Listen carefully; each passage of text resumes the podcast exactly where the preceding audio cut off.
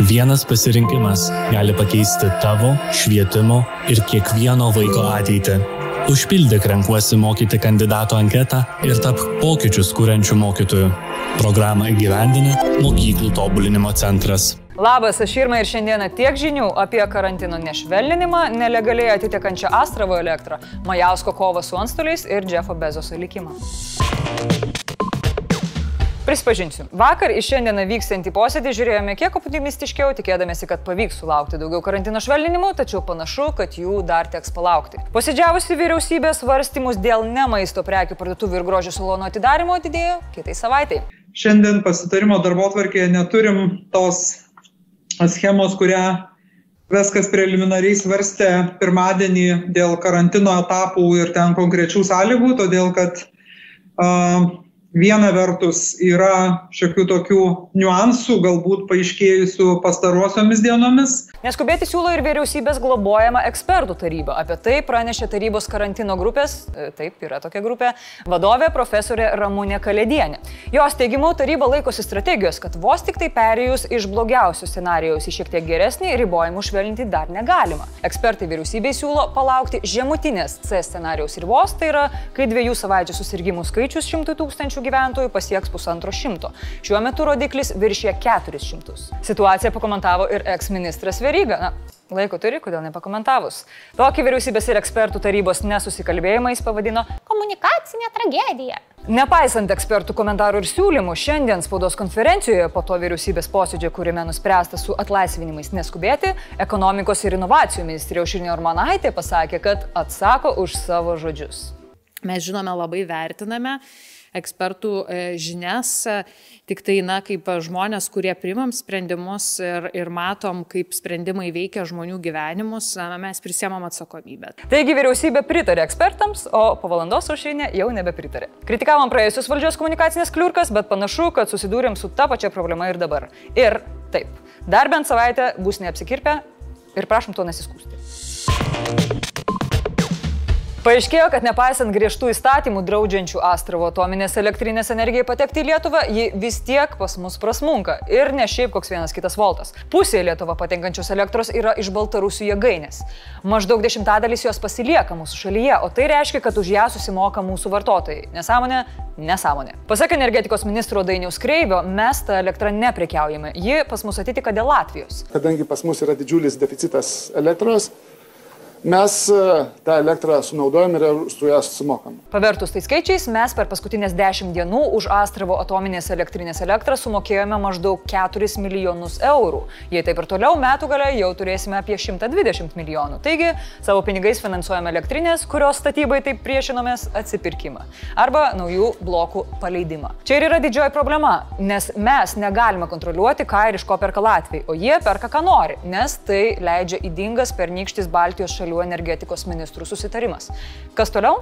Mūsų tikslas, dar kartą pasikarosiu, yra dėrybos ir sutartys dėl, dėl trišalės metodikos. Kitaip tariant, Kreivys vasaro viduryje kalbėsi su Latvija ir Estija. Ant stalo padės slaptus duomenis apie astraviškos elektros suvartojimą ir sakys, va, žiūrėkit, žiūrėkit, kas darosi Hebra. Prekybos metodika yra prasta Baltijos seneliuzai. O Nacionalinio saugumo ir gynybos komiteto pirmininkas Laurinas Kaščiūnas dar pridėjo, kad bus bandoma padaryti taip, kad su Astravo elektrinė susijusios įmonės negalėtų dalyvauti Lietuvos energetiniuose projektuose, o energetiniai sandoriai būtų tikrinami vyriausybinėje komisijoje. Plus dar yra kažkoks slaptas planas B, kuris bus pateiktas vasarį. Ei, braliukai Latvijai ir kitos laiptinės kaiminėjas, tai kas čia vyksta? Dar neseniai laikėmės už rankų Baltijos kelyje, o dabar jau norite laikyti gauruotą rusiškos meškos letiną? Seimo biudžeto ir finansų komiteto pirmininkas, geriau žinomas kaip mokinukių pažyba ir himnų prie konteinerių atlikėjas Mykolas Majauskas, užsimanė stoti į kovą su, pasak jo, per daug mokestinių privilegijų turinčiais amatininkais. Praėjusią savaitę politikas išvertė kišenės advokatams, o šiandien griebė už atlapų antstolius. Notarai ir žemdirbiai Toliau jūs. Majauskas paskaičiavo, kad šiuo metu individualią teisinę veiklą užsima apie 115 antstolių. Pasak VMI, bendros jų pajamos 19 metais sudarė apie 27 milijonus eurų. Skaičiuojam vidurkį ir gaunam, kad vienas antstolis per metus deklaravo kiek daugiau nei 230 tūkstančių, o sumokėjo tik 17 tūkstančių arba 7 procentus mokesčių nuo jų. Suprantam, matematika nesuper tiksliai, bet esame jūs pagauna. Konservatorius įsitikinęs, kad daugiausiai uždirbantis turi mokėti ir didžiausius mokesčius ir be jokių lengvatų. Šitą Šitaip yra visose išsivyščiusiose šalyse. Tokia tvarka turi galioti ir Lietuvoje. Nes dabar yra absoliutus mokesčių rojas turtingiams advokatams, o antstoliai iš viso gyvena kaip inkstai taukose. Taip, čia yra jo citata. Hmm, kalba beveik kaip senelis Leninas. Antstoliai su tokiais pareiškimais nesutinka, nes pasak jų ne viskas yra taip paprasta. Ta svaiginantį pelną jie nesusideda savo kišenę, o pasidalina dar su vidutiniškai septyniais kontoros darbuotojais, kuriems moka algas. Todėl ir mokesčių bendroji sumos mokama ne 7, o 34 procentai. Tai yra beveik 7 procentais daugiau negu verslo įmonės. Ir tai dar ne viskas. Antstoliai skundžiasi, kad uždirba tik tada, kai realiai išieško priteistas skolas.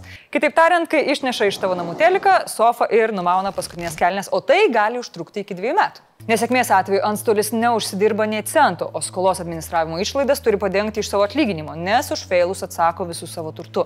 Taigi, dėmesio visiems, kas turite neapmokėtų įsiskolinimų, siūlau susimastyti, nes panašu, kad antstoliai dabar taps dar piktesni. Turtingiausias pasaulio žmogus Jeffas Bezosas pareiškė, kad ateinančią vasarą pasitrauks iš interneto gigantės Amazon vadovo pareigų. Naujų įmonės vadovu taps Andy Jassy. Amazon Jeffas palieka visiškoje aukštumoje, bendrovės grinasis pelnas paskutinį praėjusiu metu ketvirtį išaugo dvigubai iki 7,2 milijardo dolerių, o pajamos 44 procentais iki 125,6 milijardo dolerių. Amazon imperija prasidėjo, kai 1993 metais Bezos Bezosas nusprendė paleisti internetinį knygyną. Jis metė darbą, parašė verslo planą, iš tėvų gavo 300 tūkstančių dolerių ir po metų savo gražiai paleido rizikingą interneto parduotuvę. Šiandien įmonėje dirba net 1,3 milijonų žmonių visame pasaulyje ir šitas, be ne garsiausias šopas turi viską, pradedant prekių pristatymų į namus, vaizdo streaminimo paslaugą ir baigiant serverių paslaugomis ir reklama. Bet juk tokios imperijos neįmanoma sukurti be kompromisų su sąžinė, tiesa? Tiesa, Amazon buvo kaltinama įvairiais būdais išnaudojusi savo darbuotojus, ypač dirbančius sandėliuose ir paskirstimo centruose. Apie beveik vergiškas jų darbo sąlygas galite susirasti krūvą informacijos. Kompanija taip pat kritikuota dėl mokesčių vengimo. Pavyzdžiui, 2018 metais jie nuo daugiau nei 11 milijardų dolerių uždarbio nemokėjo nie cento mokesčių, o nuo 2006 iki 2014 įvairiais būdais išvengė 250 milijonų eurų mokesčių. Dar pridėkime rinkos dominavimą, mažų gamintojų triuškinimą, įtarimus dėl privatumo pažeidimų ir štai turime sėkmės formulę. Tiesa, Bezosas visiškai nepasitrauks ir liks vykdomojo direktoriumi. Jis planuoja daugiau laiko skirti svarbioms Amazon iniciatyvoms, pavyzdžiui, filantropiniai veiklai, šeimas remiančiame projekte Day One Fund, žemės saugodžiame projekte Bezos Earth Fund bei kosmoso tyrinėjimams. Uh, Aleksa, ar Bezosas yra sažiningas žmogus? Nekwashink galvos tushchais klausimais. Ar noratum kaiko ish Amazon? Blitz naujienos. Junktinės valstijos, ES ir Junktinė karalystė smerkė vakarykštį Rusijos teismo sprendimą įkalinti Aleksejų Navalnę daugiau kaip pustrečių metų laikotarpį. Po teismo sprendimo paskelbimo Rusijos miestuose žmonės išėjo į gatves, daugiau kaip tūkstantis protestuotojų suimta. Vašingtonas reikalauja nedelsint paleisti Navalnę. Kremlius atkerta, kad vakarai su savo pareiškimais gyvena kitoje realybėje. Kinija Junktinių tautų saugumo taryboje vetavo pareiškimą smerkianti prieš kelias dienas įvykdytą perversmą Mienmare. Pasak Pekino, tarptautinis spaudimas ir kišimasis tik padidins suirutę šalyje. Kinija kartu su Rusija yra gynusios Mienmaro kariuomenę ir dėl elgesio su rohinių musulmonais. Praėjusiais metais Ispanija aplankė 77 procentais mažiau turistų nei 2019-aisiais. Tais metais Ispanija buvo antra pagal lankomumo šalis pasaulyje, todėl turistų srauto sumažėjimas sudavė didelį smūgį. Ekonomika praėjusiais metais susitraukė 11 procentų ir tai yra blogiausias rezultatas ES. Krokodilo ašaras nebūtinai yra blogas dalykas, kartais jie verkia iš laimės.